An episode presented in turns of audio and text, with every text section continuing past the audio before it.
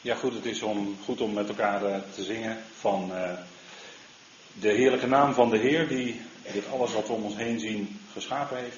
En juist in het voorjaar dan uh, zie je alles weer uitbotten en dan is het weer een feest eigenlijk in de natuur.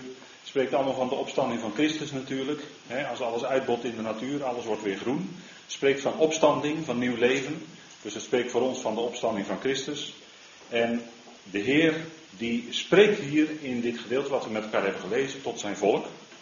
En dat is in, in een bepaalde lijn, maar we willen graag daaruit leren, want we weten ook dat al wat in de schrift geschreven staat ons tot voorbeeld, tot lering is geschreven.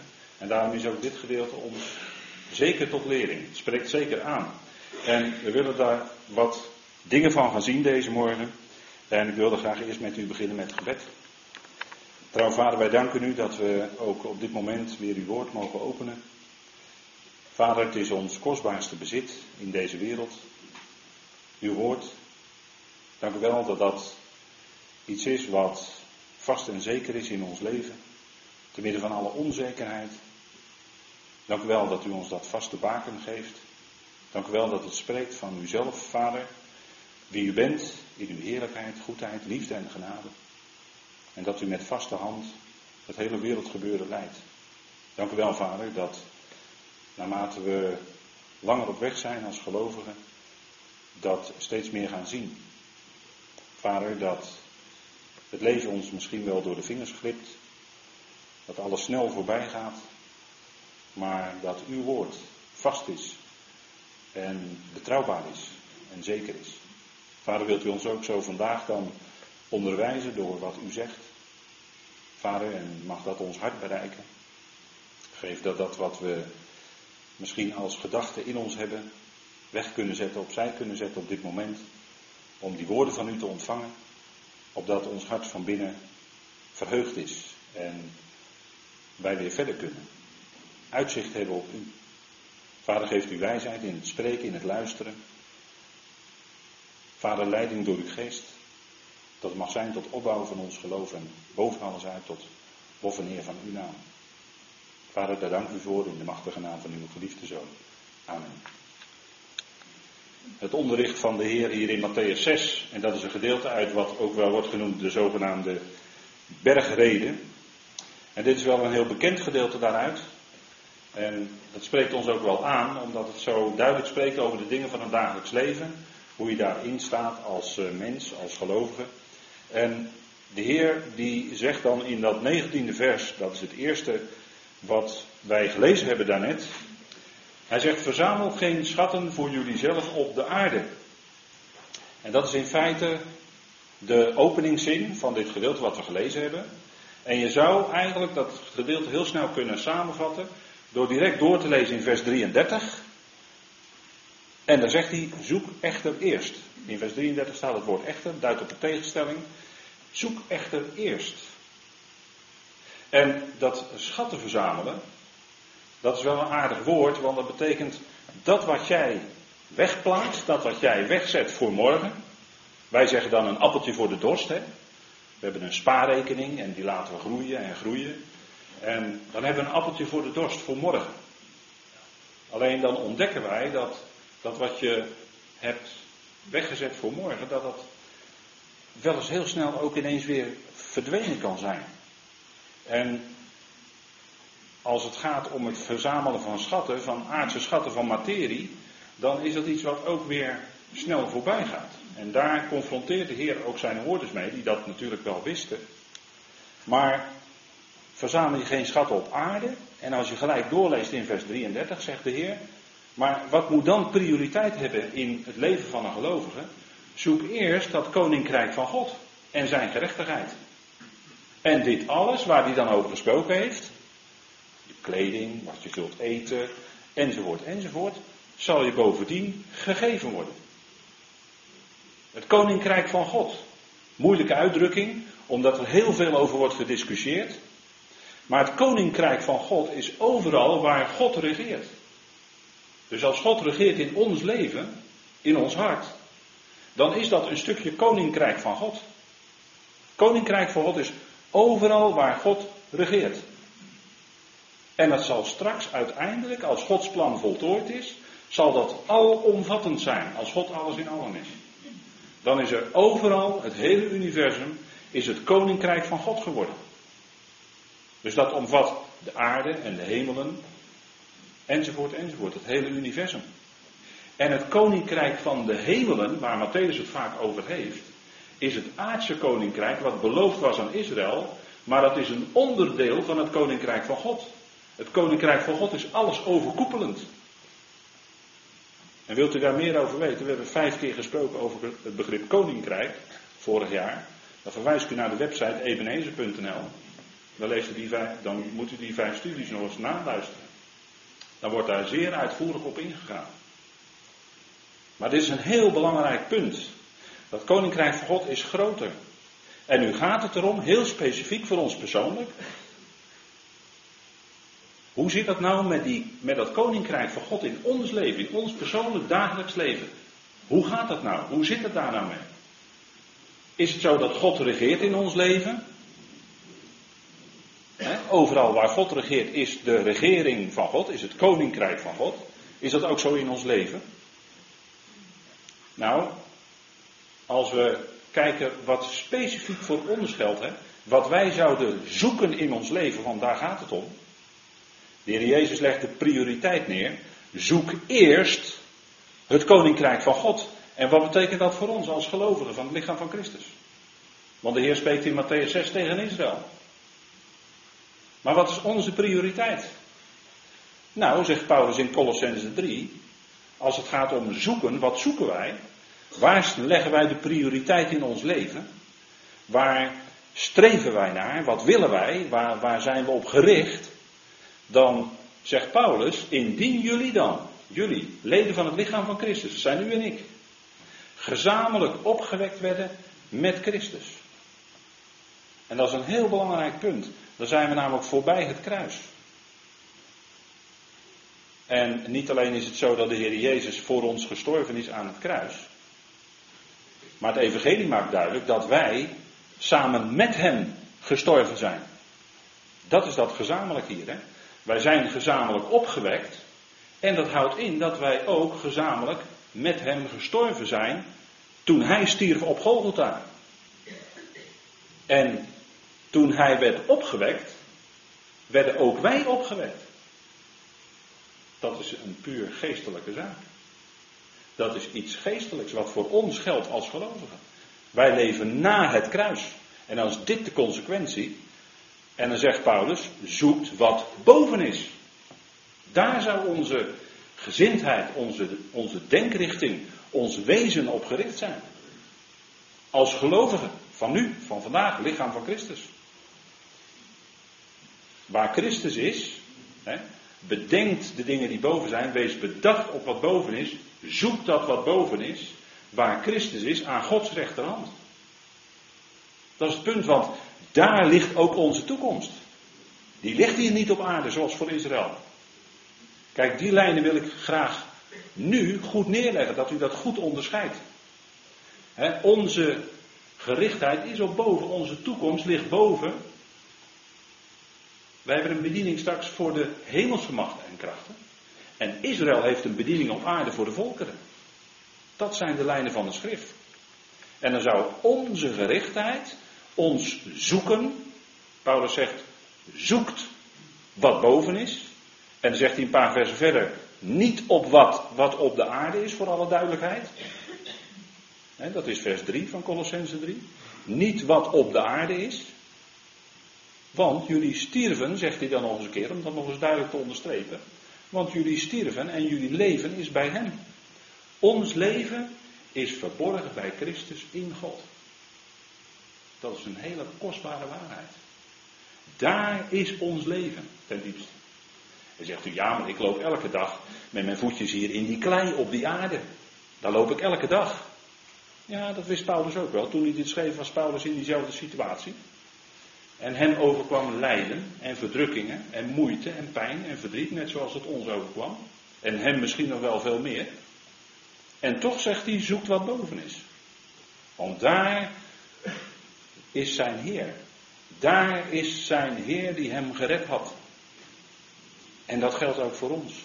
Die Heer Christus Jezus die heeft ons gered door zelf door een hele diepe weg te gaan. Via het kruis. Straks staan we er weer bij stil op Goede Vrijdag. En die dienst die wordt altijd heel matig bezocht. Maar daar staat het kruis centraal waar hij stierf.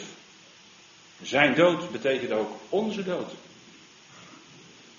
En dat betekent dus dat dat oude van ons in feite op Golgotha is afgesneden. Dat is de besnijdenis van Christus.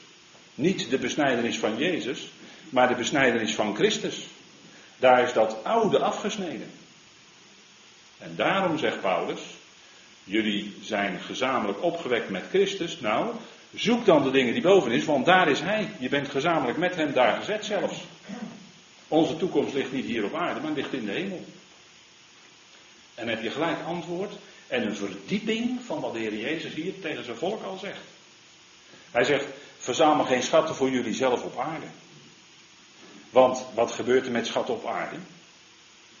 Nou, met kleding, daar kan de mot in komen. En u weet wat motten doen, hè? Dan vallen de gaten erin.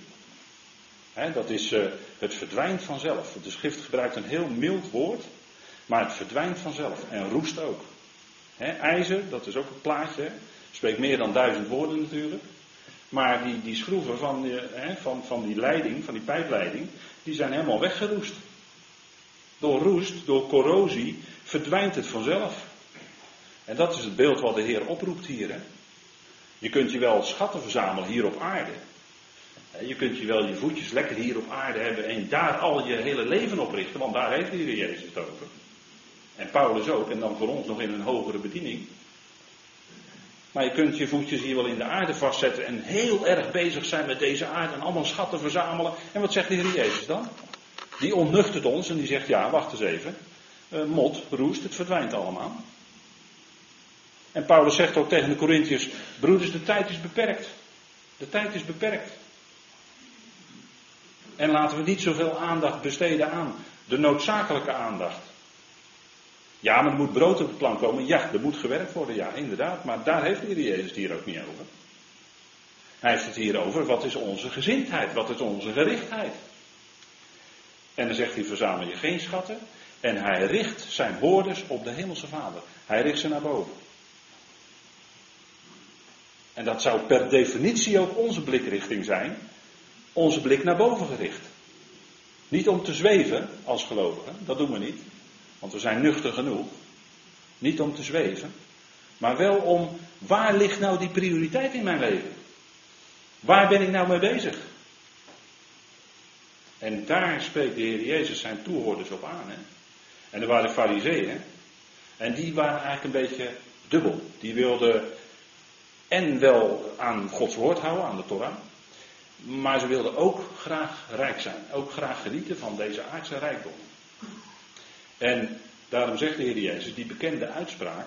Want waar jouw schat is, daar zal ook jouw hart zijn. Kijk, daar waar jij, en soms is dat ook vaak letterlijk bij mensen zo. Daar waar jij je oogjes op richt. En dan spreekt eigenlijk van je innerlijk. Daar waar jij je oogjes op richt. Daar, is jouw, daar ligt eigenlijk jouw hart. je kunt jezelf afvragen, wat streef je eigenlijk na in je leven? Waar ben je eigenlijk mee bezig? Wat zijn je idealen? Waar ben je, hè, wat zijn je ambities? Hè? Wat, mensen zijn vaak eerzuchtig, hè? die hebben een baantje en dan willen ze hogerop in het bedrijf. En daar doen ze alles voor. En zo proberen zij ten koste van anderen hogerop te komen. Dat zijn mensen die zijn heel erg ambitieus. Ik heb ze in mijn leven ook voorbij zien komen. Maar er was, alles was in hun leven gericht op die carrière. Alles moest daarvoor wijken. daar, daar, waren ze van ochtends vijf tot s avonds tien mee bezig. En of je dan nog slaapt, dat vraag ik me af. Vraag ik me af. Maar daar heeft de Heer Jezus het ook over. Hoe leef je? Wat is, nou je? wat is nou je drijfveer in je leven? Je bent gelovige, je staat midden in deze wereld.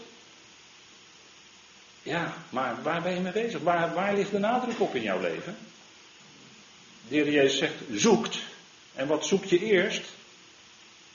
Paulus zegt, zoekt dat wat boven is, waar Christus is. En daar, daar in die dingen, Daar zit eigenlijk een aanwijzing voor onze gezindheid, voor onze gerichtheid. Als de nadruk in ons leven, als we het daarover hebben, dan is dat ons, ons geloof, dat wat we geloven. Daar leven we uit. En waar jij op gericht bent, nou, je, kan natuurlijk alles invullen. Ik heb hier een eh, schatkist van die fariseeën, die waren geldzuchtig, hè, die waren hebzuchtig, die wilden graag uh, meer, steeds maar meer. Hè. Maar het, het, kan van alles zijn. Het kan een maatschappelijke carrière zijn, het kan sport zijn, het kan, noem maar op. Het kan allemaal zoveel tijd in beslag gaan nemen in jouw leven. Ja, dat, geloof, dat kan uh, helemaal op de achtergrond komen. En kijk, het punt is, de Heer Jezus zegt, de lamp van het lichaam is het oog. Ik had het er net over, waar zijn nou je oogjes op gericht? En daarmee bedoelt de Heer natuurlijk van waar is jouw innerlijk op gericht? Want wat door jouw ogen naar binnen komt, dat komt ook in jouw hart. Waar ben je op gericht? Waar kijk je naar? Indien jouw oog eenvoudig is, zegt hij. en dan, dat woord eenvoudig, dat betekent eigenlijk onverdeeld. Je hebt, mensen die willen graag van twee walletjes eten. Die willen en het hier verschrikkelijk goed hebben in deze wereld en daar alles voor over hebben. En ja, en ze geloven ook, ja, ja er zit ook wel geloof in, in hun hart. Ja, en dat levert vaak spanning op. Want geef jij eh, aan het een heel veel aandacht, dan kan je automatisch aan het andere veel minder aandacht besteden. Er zit maar 24 uur in een dag. En als je 21 uur aan het een aandacht besteedt, dan besteed je maar 3 uur aandacht aan het andere. boos. Hè? En wat is nou een boos oog? Hè? Of een slecht oog? Als jouw oog boos zal zijn, zegt de Heer, dan is dat eigenlijk verdeeld. Hè? Dat is het tegenovergestelde. Dan wil je eigenlijk dubbel. En waar roept de Heer ons toen op? Zoekt. Die prioriteit. En kijk, er zijn veel mensen die zeggen in deze wereld, dat is zo de filosofie die je wel eens voorbij hoort komen, een gedachte. Van, nou, als jij je nou maar doelen stelt in jouw leven, van, uh, ik wil uh, leider worden van een politieke partij, laat ik het zo maar zeggen. Als jij dan dat maar doel stelt, hè, als jij jou dat maar als doel stelt in je leven, dan zul je het ook bereiken. Dat is een prachtige filosofie, maar die klopt niet. Klopt niet. Niet waar. Het is helemaal niet gezegd dat je dat zult bereiken. Weet jij wat er morgen gebeurt dan in jouw leven? Ja, maar je moet toch ergens naar. Maar er wordt gezegd, ja, maar als jij nou maar, als jij nou maar dat voor ogen stelt als doel, dan zul je dat ook bereiken. Dat is helemaal, dat, dat gebeurt in 99 van de 100 gevallen gebeurt dat niet. Maar het punt is dat, kijk, die fariseeën en schriftgeleerden die waren gericht op dat meer. Die wilden meer, toch meer van deze wereld. En dan zegt de Heer, kijk, je kan geen twee heren dienen in je leven. Het is of het een of het ander. als je in, in het dagelijks leven, dan, dan kun je lid zijn van een sportclub. ik noem maar wat, een volleybalclub. En dan kun je eigenlijk niet tegelijkertijd ook nog lid zijn van een handbalclub. Dat gaat problemen opleveren. Je kunt niet volledig voor die volleybalclub gaan en ook volledig voor die handbalclub. Lukt niet. Lukt niet. En, en dat is wat de Heer hier als lijn neerlegt. Niemand kan twee heren dienen. Je kunt niet God dienen, want dat is waar wij, waarvoor wij als gelovigen eigenlijk geroepen zijn, om God te dienen in ons leven. Wat is nou het doel van mijn leven? Nou, God dienen. Hoe dan? Nou, de plek waar je bent. In je werk kun je God dienen. Thuis kun je God dienen. Overal eigenlijk waar je bent kun je God dienen. Maar de Heer Jezus zegt, je kunt niet God en de mammon dienen. En dat wilden die fariseeën wel.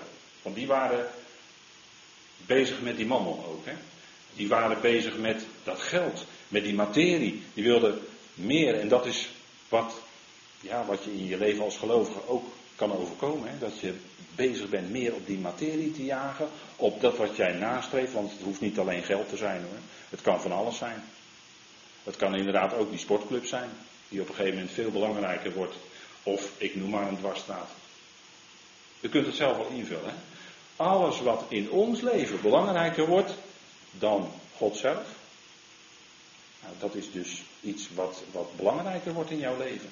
En dat, dan, dan gaat dat in jouw leven gaat problemen opleveren. Dat gaat wringen. Dat geeft frictie. En op een gegeven moment komt er dan een punt, ja, dan is het of het een of het ander. Je kan het niet naast elkaar volhouden. En God is in ons leven degene die ons op de plaats zet. die ons die plek geeft waar wij gesteld zijn. En dat is die plek en geen andere plek. En op die plaats waar wij gesteld zijn, zal Hij voorzien in wat nodig is. En voor ons is het, strekken we ons naar uit. En dan zegt de Heer Jezus, kijk, je moet zorgen voor je dagelijkse behoeften. Je hebt je dagelijks werk enzovoort. Maar het punt is, hij zegt, wees niet bezorgd voor jullie ziel. Dan gaat het over dat zorgen maken. Hè? Maak je nou zorgen voor je ziel? Of maak je je zorgen voor je lichaam waarmee je je zult kleden? Of voor je ziel hè? En, en voedsel enzovoort? Het punt is, het zijn die gewone dingen. En de Heer, die zal op de plek waar we zijn voorzien in wat nodig is. En hij stelt ons op die plek waar we zijn. En het punt is, op die plek waar we zijn, kunnen we dan rusten in de rust van ons geloof, wat wij geloven. Maar je kan je ook zorgen maken. En van zorgen maken, daar lig je dan s'nachts wakker van. Daar, uh, ja, dat, dat, gaat, dat kan ook uiteindelijk ten koste gaan van je lichamelijke gezondheid. dat je je veel zorgen maakt. dan, dan krijg je het aan je hart, of je, je krijgt elders in je lichaam krijg je allerlei mankementen. Kan voortkomen uit dat je je heel ernstig zorgen maakt. En de Heer zegt, ja, maar wees niet bezorgd voor je ziel, voor wat je zult eten, of wat je zal drinken, of wat je zal kleden. Want de ziel is toch meer dan het voedsel en het lichaam meer dan het kleding. Je kan je wel enorm jagen op die dingen, zoals zoveel mensen vandaag doen. Maar waar is dan dat geloof? Waar is die overgave? Dat de Heer zal voorzien in wat nodig is. Kijk, in Matthäus 13, later, zei de Heer Jezus daar ook nog iets van. Want daar, was, werd zaad gestrooid. En natuurlijk heeft dat te maken met koninkrijk op aarde, weet ik wel. Maar het is toch een voorbeeld voor ons. Het in doornen gezaaide is hij die het woord hoort en de zorgen van deze eon. Kijk, daar heb je het weer, hè. De zorgen van deze eon en de verleiding van de rijkdom. Verstikt het woord. Kijk, die zorgen en die misleiding, die verstikken het woord. Dus dat woord van genade wordt in ons leven gezaaid, in ons hart. Als het om ons gaat als gelovigen. Maar ook ons kan het overkomen dat die, dat je er steeds maar zorgen maakt. En dat je als mens graag de dingen wil regelen. En je ontdekt dat je de dingen toch niet kan regelen. En je wil graag die en die, die kant op duwen en het lukt maar niet. Totdat je het loslaat. En het aan de Heer overgeeft. En dan moet je kijken wat de Heer gaat doen. kijken wat de Heer gaat doen. Maar deze dingen die kunnen het woord verstikken. En dat zie je ook in de, in de loop van de tijd gebeuren. Hè. Mensen die dan uh, heel enthousiast zijn over het woord. En dan, gaat het, hè, dan komt het dagelijks leven, allerlei inspanningen. En op een gegeven moment dan uh, zie je ze niet meer. Dan is op een of andere manier andere dingen hebben dat woord verstikt. Het is wel gezaaid, het is er wel, maar het verstikt, het draagt geen vrucht dus. Wordt, uh, dan, dan heb je dat, dat rechte plaatje hè, wat u ziet. Dus het dor en doods in het leven, geen vrucht. Maar de bedoeling is dat het woord in ons leven gezaaid wordt en dat het vrucht draagt. Dat het opkomt, dat het tot bloei komt. En net zoals in het voorjaar die bloemen en die anemonen waar de Heer het over heeft. En dan neemt hij die eenvoudige voorbeelden uit het dagelijks leven. Zoals die bloemen bloeien, dat gaat vanzelf. En die vogels in de hemel, die vinden toch ook allemaal voedsel. Is eigenlijk heel wonderlijk, hè. En dan besef je eigenlijk, kijk, vader zorgt eigenlijk voor ze. Dat is eigenlijk bijzonder. Ze vinden toch steeds voedsel. En zouden wij ons dan zorgen maken over, vult u me in, je kan je over alles zorgen maken hoor. Maar zouden wij ons dan zorgen maken terwijl we weten dat we een geweldige vader in de hemel hebben? Die zorgt. Die zorgt. En dan doe je alle, alles wat nodig is. Je spant je in, je doet alles wat nodig is. En uiteindelijk zeg je, vader, ja, maar u zorgt. U zal het uitwerken zoals u dat wil en bedoelt. En dat is het punt, hè? de Heer leert ons anders kijken naar de dingen. Je kan je zo laten meeslepen door. Maar De Heer zet ons hier als het ware even stil en zegt, joh, je zou anders moeten kijken naar die dingen.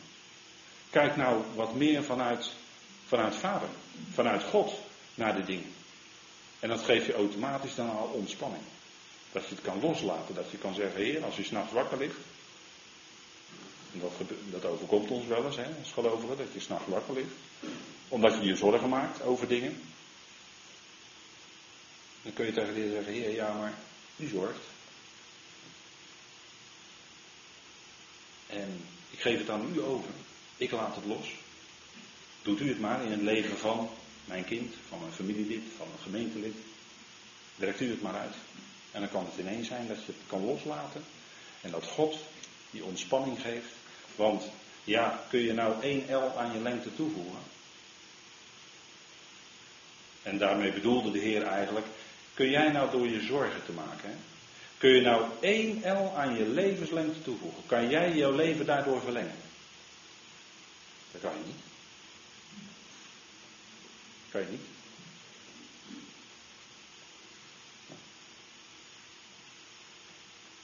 En dit is natuurlijk een, een, een, vraag waarop je zo het antwoord kan geven. Kun jij door je zorgen te maken, zou je leven daardoor een maand verlengd worden, of een jaar verlengd, of tien jaar? Dat niet hoor. Eerder is het zo in de praktijk dat je leven daardoor korter wordt.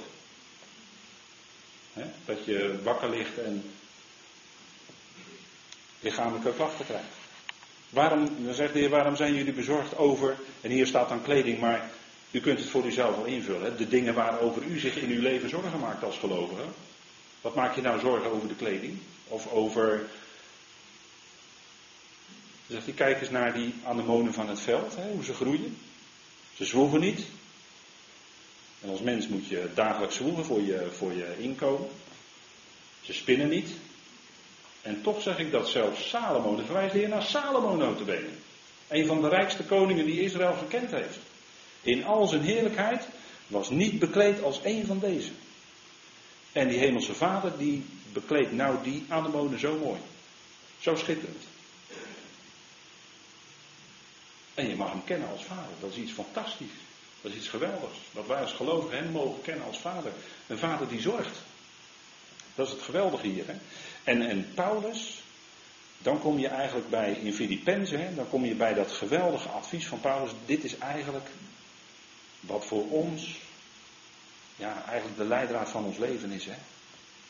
Wees in niets bezorgd, zegt Paulus zelfs. Wees in niets bezorgd. En als er iemand was die op dat moment alle reden had om zich heel veel zorgen te maken, dan was het Paulus wel. En toch zegt hij, wees in niets bezorgd. Maar laat in alles, dus in alles, dus je kunt alles met de Heer bespreken, jullie verzoeken dat wat jij graag wil of wenst, door gebed en smeekbeden, en nu komt er iets heel bijzonders, met dankzegging bekend worden bij God. Met dankzegging. En dat lees je bij anderen niet, maar dat lees je hier wel.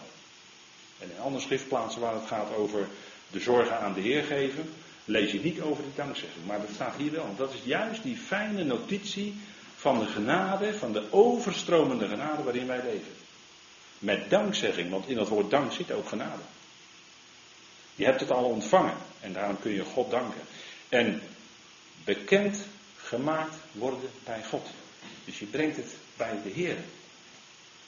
En de kunst is, nou ja, kunst, dat is ook weer zo'n woord, hè. Wordt het ook weer zoiets van, uh, dat moet je leren. Nee, je brengt het bij God en je vertrouwt God, die grote God, die alles in zijn plan uitwerkt.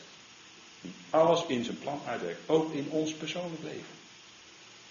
Die stap voor stap met ons door het leven gaat. Die grote God. Die zorgt ervoor dat de uitkomst die eruit komt en hoe het verder gaat. Dat dat uiteindelijk samenwerkt tot het goede. Iemand zei het nog voor de dienst tegen mij van ja, het geweldige is dat vader doet alles samenwerken tot het goede. En dat is ook zo. Natuurlijk, dat staat in Romein 8. Hij doet alles samenwerken tot het goede. En daarom kunnen wij God van tevoren danken, want dat is wat Paulus hier doet.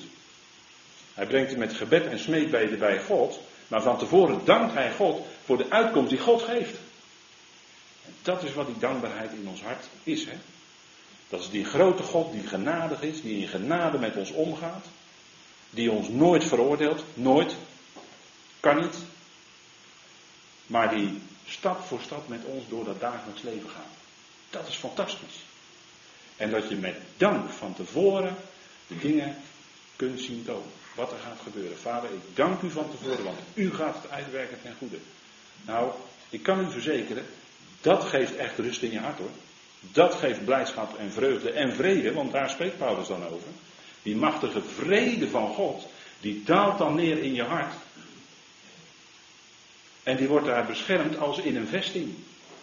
Dat is zo'n diepe vrede, dat is zo'n geweldige rust. Ja maar, dit, ja, maar dit klapt er ook wel eens uit. Dan ben ik weer onrustig, zegt u dan. Ja, maar dan weer terugkomen bij vader. En weer dit overgeven, de dingen overgeven aan vader. Dat is heel bijzonder, want dit is eigenlijk de perfecte raadgeving als het gaat om het maken van zorgen. Paulus zegt, wees in niets bezorgd. Dat is geen argeloze zorgeloosheid van Paulus. Zo niet. Maar hij ging die weg die hier staat met gebed en smeekbeden en bracht het met dank, met dank bracht hij bij God, bij vader. Kijk, dat geeft rust. En dat doet dat zorgelijke uit je hart verdwijnen. En er komt rust, er komt vrede van God voor in de plaats. Nou, dat, is, dat is de richting hè, voor ons. En dan zegt de Heer tegen zijn volk als voorbeeld voor ons.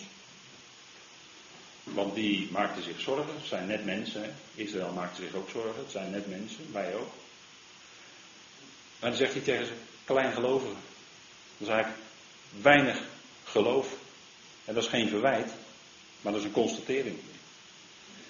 En als de Heer spreekt over weinig geloof, dan, dan verbindt hij dat ook bij gelegenheid bijvoorbeeld met vrees.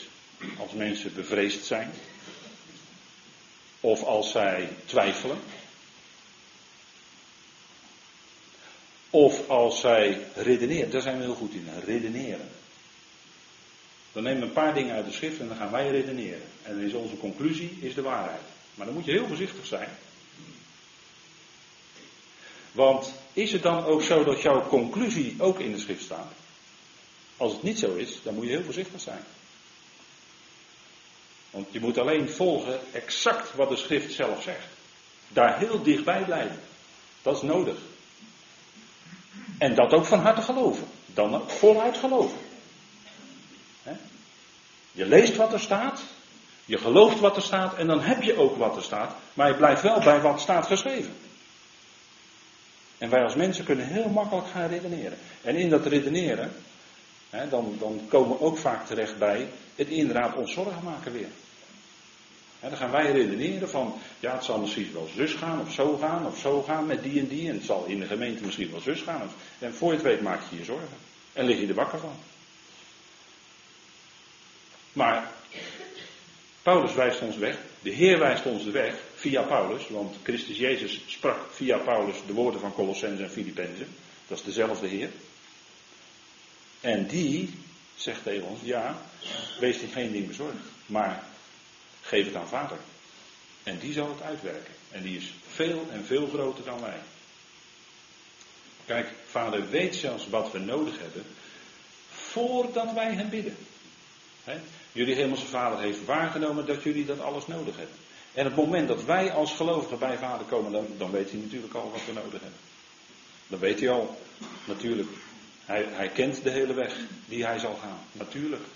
En daar kunnen wij in rusten, in vertrouwen en hem danken. En dat is, het, dat is eigenlijk het geheim wat we hebben als gelovigen. Dat wij vertrouwen op vader, die het zal doen meewerken tot het goede. En nu ontdekt u natuurlijk dat het zwaartepunt ligt niet meer bij wat u doet, of wat ik doe, of wat mensen doen. Maar het zwaartepunt ligt bij wat God doet. En hoe God het uitwerkt, want daar, daar gaat het om. En als gelovigen dan ons daarnaar schikken, hè? want God betekent plaatser, plaats toewijzen. Hij geeft alles in zijn plan de juiste plaats. Dus ook u en ik, op dit moment, waar we zijn, wat we doen, waar we mee bezig zijn in ons leven, waar we geplaatst zijn. Dat is Gods werk. Hij heeft ons daar geplaatst. Hij geeft ons persoonlijk die plek in ons leven waar we nu zijn. En zegt u, ja, daar heb ik het moeilijk mee. Nou, spreek, er, spreek er met vader over. Spreek er met vader over. En hij zal het uitwerken. En je zal ontdekken dat hij altijd uitwerkt tot het goede. En laten we de Heer danken dan voor die goede afloop. Zullen we danken? Trouwvader, we danken u dat we een kort moment stil konden staan bij iets dat ons zo aankleeft als mensen. We maken ons zo snel zorgen. En we zijn zo snel aan het redeneren. Maar vader, dank u wel dat u ons wijst op dat wat u zegt, op wie u bent. Dat u voor ons zorgt. Dat u van ons houdt. En dat uw armen eigenlijk altijd onder ons leven zijn. Wat er ook gebeurt, vader. Het is uw zorg, uw liefde die voorziet. Vader, dank u wel dat we mogen opzien en uitzien naar wat u geeft. Vader, ook in de toekomst. En vader, misschien zijn we hier wel vanmorgen gaan zitten met heel veel zorg in ons hart. Over de nabije toekomst. Hoe dat nou toch verder moet. In, vul maar in. Vader, maar dank u wel dat u het uitwerkt. En dat u het zal doen. Dat u zoveel groter bent dan wij. Vader, dank u wel dat we mogen kijken naar die bloemen die in het veld groeien. U zorgt daarvoor. Die vogels die we zien, u geeft ze te eten. Vader, het is heel bijzonder, die voorzorg en hoeveel te meer zorgt u voor ons. Dank u wel, Vader, dat we ons mogen richten op u en uw woord en dat geweldige Heer onze toekomst tegemoet mogen zien. Vader, en dan vragen we ons wel eens af hoe lang dat nog duurt, maar ook die tijd is door u bepaald en dat zal de juiste tijd zijn. Vader, wees met hen die op dit moment lichamelijk lijden in ons midden, wees hen bijzonder nabij en die te maken hebben met ernstige ziekte. Wil hen kracht en troost en bemoediging geven. Dank u wel dat u dat ook doet. Dat u ook dat vertrouwen en die vrede en rust geeft. Vader, dank u wel dat we ja, ten diepste alles met dat gebed en die smeekbeden bij u bekend mogen maken. Met dank, dank u wel, Vader, dat u het uitwerkt. En zal uitwerken uiteindelijk. Volledig in harmonie met uw plan. Dank u wel dat we daarin mogen rusten en vertrouwen op u, dat u het uitwerkt. Vader, en die gerichtheid in ons leven. Gericht zijn op dat wat boven is, Vader, waar Christus is. Onze Heer, die alles voor ons heeft overgehaald en ons vandaag voedt en koestert. Dank u wel, Vader, dat we daarna mogen zien, opzien naar Hem, die ons zo lief heeft. Vader, mogen we ook zo via Hem naar die ander kijken. Vader, dat we de ander aanzien in uw Zoon. Geestelijk. Vader, en zo, Vader, met elkaar verder optrekken. Tot het grote moment dat het bazuin zal klinken. Ja, Vader, dan zal alles veranderen. Dan komt er enorme heerlijkheid. Dank u wel dat u meegaat tot het moment op die weg waarop u ons plaatst, Vader. Dank u wel dat geen probleem voor u te groot is. Dat u het alles overziet. En dat u ook afmaakt waar u aan begon. Dat u nooit zal laten, loslaten wat uw hand begon, vader. Dank u wel. Ook in ons leven maakt u dat af. Dank u wel dat we zo op u mogen zien, van u mogen verwachten. Vader, u bent die grote God. En u werkt het uit. We danken u daarvoor. In de machtige naam van uw geliefde Zoon, onze Heer Jezus Christus. Amen. Goed, ik eh, stel voor dat wij ter afsluiting van deze dienst met elkaar nog staande een lied zingen.